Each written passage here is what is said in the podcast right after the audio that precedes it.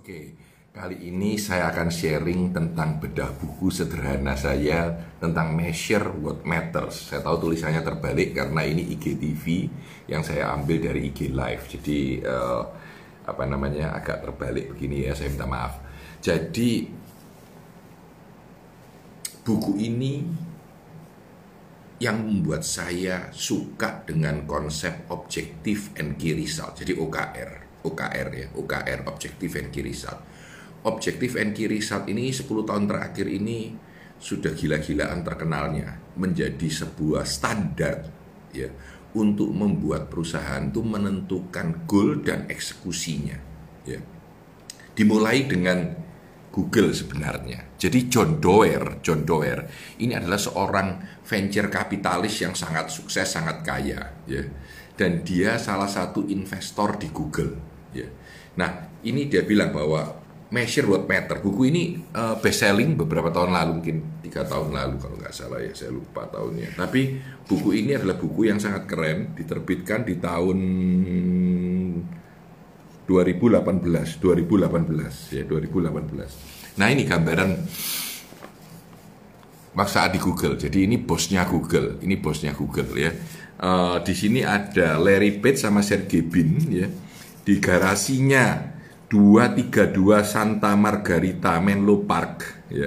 Tahun 99 1999 maksudnya foto ini tahun 99 bukunya 2018 nah ceritanya begini. Pada saat itu si John Doerr ya itu mewakili Cleaner Perkins ya dia masuk ke sahamnya Google dan dia bilang aku bayar sekian saya lupa 12 juta dolar untuk 11 persen atau 11 juta untuk 12 persen sahamnya Google pada saat itu sudah beribu-ribu kali lipat sekarang ya.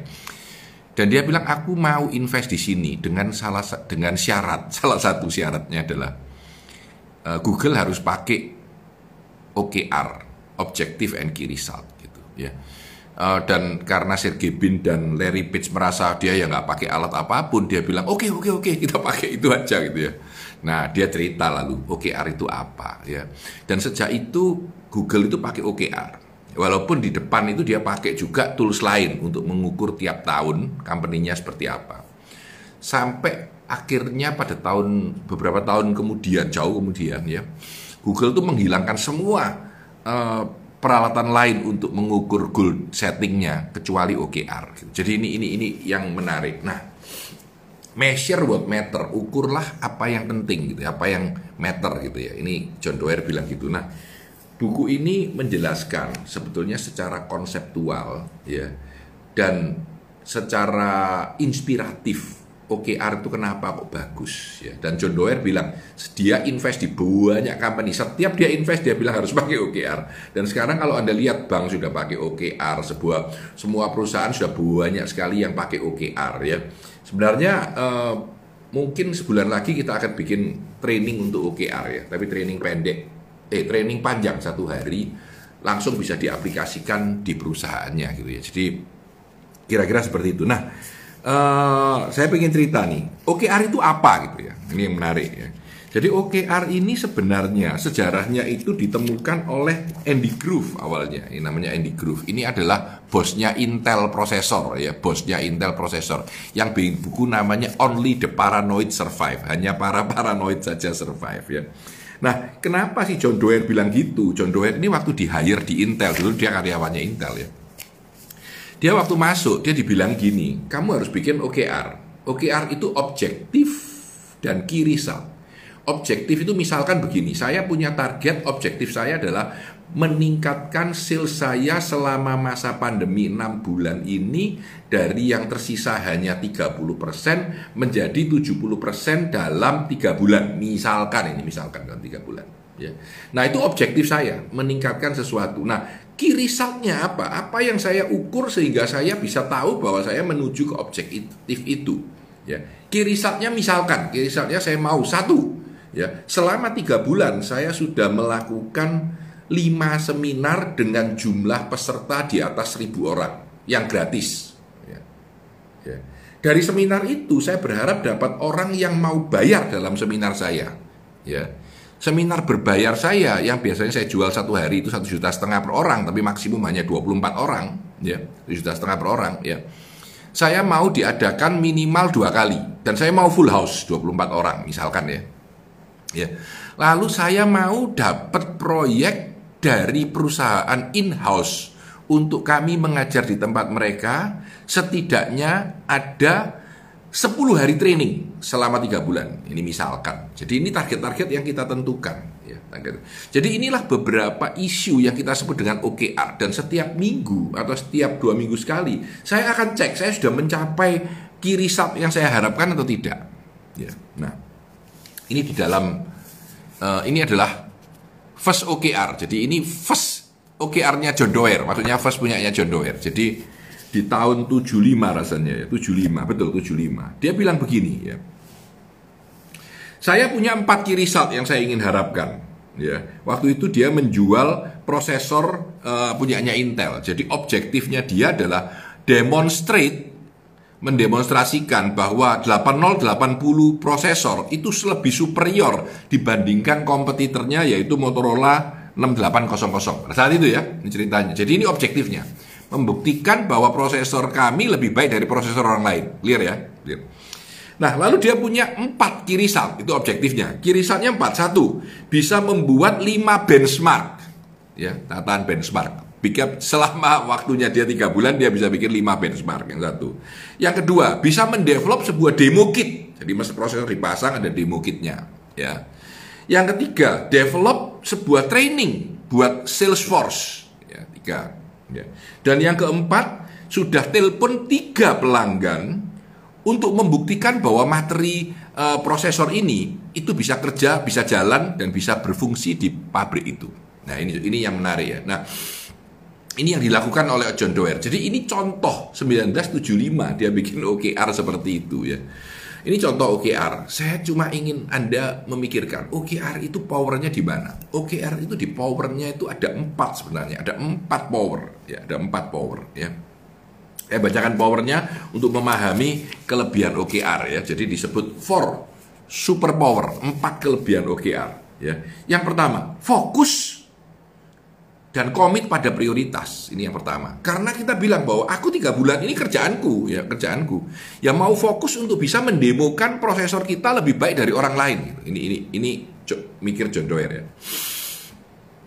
Maka mau tidak mau dia fokus di situ. Nah ada yang menarik.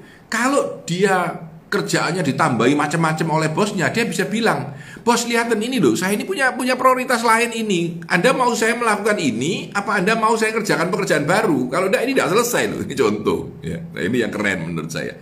Jadi Anda disuruh fokus pada titik di mana Anda menjadi yang terbaik di bidang itu. Itu yang pertama. Jadi fokus dan prioritas ya. Nah, yang kedua, yang kedua saya saya akan cari empat kekuatan ya. Saya kira ini ini kelebihan dari OKR yang perlu, yang perlu Anda tahu ya. Yang kedua ya. Ini kedua sudah sudah masuk tengah ya. Agile and connect for teamwork. Maksudnya gimana? Agile itu adalah tangkas. Jadi justru ini kenapa OKR ini sebenarnya sangat tepat untuk zaman Covid ya. Jadi ketika OKR ini kita set di perusahaan ya, terjadi alignment. Maksudnya begini kalau yang di atas itu, atasan saya, ini mau membuktikan bahwa prosesor ini jalan. Saya sebagai anak buah tahu apa yang harus saya lakukan supaya bisa selaras dengan objektif dan key result atau keinginan dari atasan saya. Ya, ini yang kedua. Jadi kita bisa align sehingga tahu connect. Kenapa connect? Karena OKR ini diharuskan terbuka. Jadi setiap meja, setiap karyawan itu harus menaruh OKR-nya apa. Nah, di Google, ini kata buku ini ya di Google kalau Anda pergi, ada karyawan ya, directory of people in Google itu, Anda masuk ke directory. Setiap nama di ujung paling kanannya itu ada OKR-nya dia apa. Dan Anda bisa baca dan itu terbuka. Jadi OKR, Objective and Key Result dari setiap orang di Google itu akan ada dan bisa dilihat. Jadi ini menunjukkan bagaimana OKR itu mampu mengalign, menyelaraskan, itu disebut align ya, menyelaraskan tentang uh, kemauan dari atasan Anda, Anda dan bawahan Anda. Itu itu uh, superpower yang kedua. Superpower yang ketiga disebut track for accountability. Maksudnya apa? Kita bisa melihat siapa yang tanggung jawab terhadap apa. Kalau kamu tiga bulan lalu komit untuk membuat sales training material pada saat tiga bulan berakhir, kalau belum jadi, ya kamu ya saya marahi, clear kan? Siapa yang salah gitu? Ya, ini yang menarik, ini yang menarik ya. Jadi di dalam buku yang disebut dengan Measure What Matters ini, uh, kita bisa mengetahui siapa yang bertanggung jawab terhadap apa dan tidak ada cara untuk menghindar. Ini yang yang yang powerful. Dan yang keempat, nah ini yang menarik. Ini sebetulnya the biggest power of OKR ya dia bilang stretch for amazing. Waduh, stretch for amazing. Nah, John Dower ini anda tahu venture kapitalis itu adalah orang yang menanamkan uang di sebuah perusahaan sampai perusahaan itu menjadi besar, go public dan dia mendapat keuntungan yang besar. Jadi setiap venture capital itu pikirannya bukan kalau saya invest 100 juta dan jadi 200 juta, enggak. Dia maunya kalau saya invest 100 juta jadi 10 miliar atau jadi 100 miliar. Maunya begitu ya. Selalu pikirannya ngumpul gila-gilaan ya. Tapi tapi venture capitalis ini paham kalau dia invest di 20 perusahaan, mungkin yang berbuah hebat cuma satu. Ya. Empat akan oke. Okay. Ya. Mungkin sisanya tanggung-tanggung, mungkin tujuh akan mati. Dia paham itu. Jadi dia selalu high risk, high gain. Ya. Risikonya tinggi, tapi dapatnya luar biasa. Ini ini ini pemikiran tentang venture capitalis ya. Sehingga dia bilang stretch for amazing. Nah, ini menarik ini. Ya, jadi dia bilang bahwa kalau kita pakai OKR, Ya. Nggak boleh cuma mengharapkan naik 10%. Kalau bisa lipat dua gitu. Salah enggak apa-apa. Kurang enggak tercapai enggak apa-apa. Mereka sebut moonshot, menembak bulan, moonshot ya. Jadi kalau melakukan moonshot, menembak bulan, door gitu ya. Maka apa yang terjadi? Ya mungkin enggak kena gitu, tapi enggak apa-apa dia bilang. Dia bilang ada moonshot, ya ada roof shot. Roof shot itu mimpinya besar tapi enggak terlalu besar sekali ya. Ini ini ini bicara tentang targeting. Nah, Buku ini cukup keren, ya banyak gambar, banyak histori, banyak uh, apa namanya cerita-cerita masa lama. Terutama kalau anda dulunya adalah orang-orang uh, apa namanya orang-orang Google ya, ataupun orang-orang digital ya. Ini Google Chrome, bagaimana Google Chrome tumbuh ya. Uh, dia menceritakan tentang banyak OKR dari perusahaan-perusahaan digital. Nah ini terutama perusahaan digital, hampir semua perusahaan digital pakai ini OKR konsepnya ya. Nah, saya akan tutup aja dengan sebuah judul yang disebut dengan culture, culture ya, budaya terakhir ya, culture ya. Culture ya. Cukup panjang. Jadi dia bilang bahwa tantangan terbesar adalah membudayakan OKR ini menjadi sebuah budaya perusahaan ya.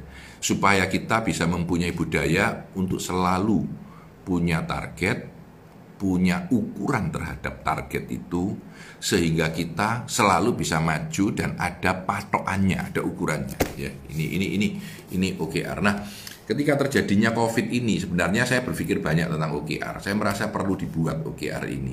Perlu dimodifikasi untuk masa Covid dan nanti kalau sudah selesai Covid kembali pada standarnya. Dimodifikasi seperti apa? Mungkin biasanya OKR ini tiga bulanan, tiga bulanan. Selalu standarnya tiga bulanan. Mungkin selama COVID bisa dipendekkan jadi satu bulan. Itu yang pertama. Pendekkan satu bulan. Yang kedua, check-innya pasti pakai Zoom. Ya. Jadi semuanya pakai digital. Ya. Yang kedua mungkin banyak digital tools yang bisa dipakai untuk kolaborasi. Ya. Dan yang ketiga harus ada yang mimpin untuk masuk ke dunia OKR. Ya. Kami akan bikin seminar. Uh, saya dan Pak Andi Iskandar itu sudah seminar OKR berkali-kali ya. Jadi uh, kita akan seminar tentang OKR dengan Zoom kemungkinan satu bulan lagi ya karena jadwal aja. Uh, Andi yang membawakan ada kemungkinan saya sedikit sharing gitu kira-kira begitu ya. Dan ini adalah buku awal saya. Ini yang drive saya, membuat saya cinta OKR, membuat saya belajar OKR, membuat saya masuk ke dunia OKR lebih dalam.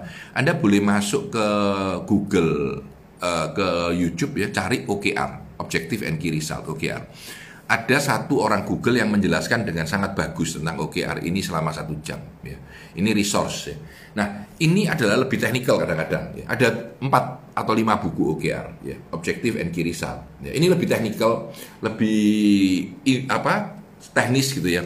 Dan kami sudah memakai 4-5 buku OKR yang ada kita search semua kita sudah mencoba kita sudah memodify sehingga kami ketika melakukan training-training OKR sudah lebih terarah dan terstruktur begitu ya.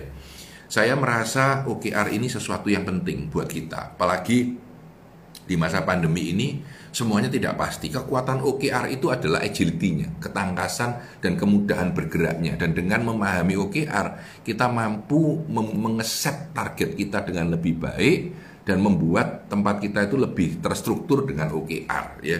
Nah, ini ini tentang objektif and key result. Ya, kita akan buat seminar ini sepanjang satu hari. Karena ini kalau dibilangin saya cerita dengan Anda Anda sudah paham. Anda mau bikin sendiri OKR Anda bisa. Anda baca di internet bisa. Cuma kalau Anda mau belajar untuk membuat yang real untuk perusahaan Anda bagaimana implementasinya apa yang mungkin salah, apa yang harus diperbaiki. Nah itu uh, butuh pendalaman. Jadi mungkin butuh satu hari minimal ya untuk mempelajari OKR. Dulu kita buat dua hari training ya, di mana satu hari saya dan satu hari Pak Andi yang membawakan ya. Ini setahun yang lalu mungkin ya kita bikin training itu dan sejak itu kita sudah bikin banyak training tentang OKR. Jadi measure what matter, ukurlah apa yang penting ya.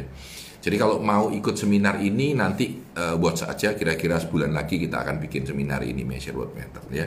Terima kasih dan terima kasih juga semua teman-teman. Saya lihat banyak teman yang menyapa saya ada Pak Mul, ada Andri, ada Foni, ada siapa lagi nih? Aminuddin, ada Pak Mukti. Ya, thank you, thank you, thank you, thank you sudah mampir ya. Ini adalah jam sekarang adalah jam 4.30 kurang lebih pagi ya saya tadi pagi bangun jam 3.30 ya. Uh, sudah sejak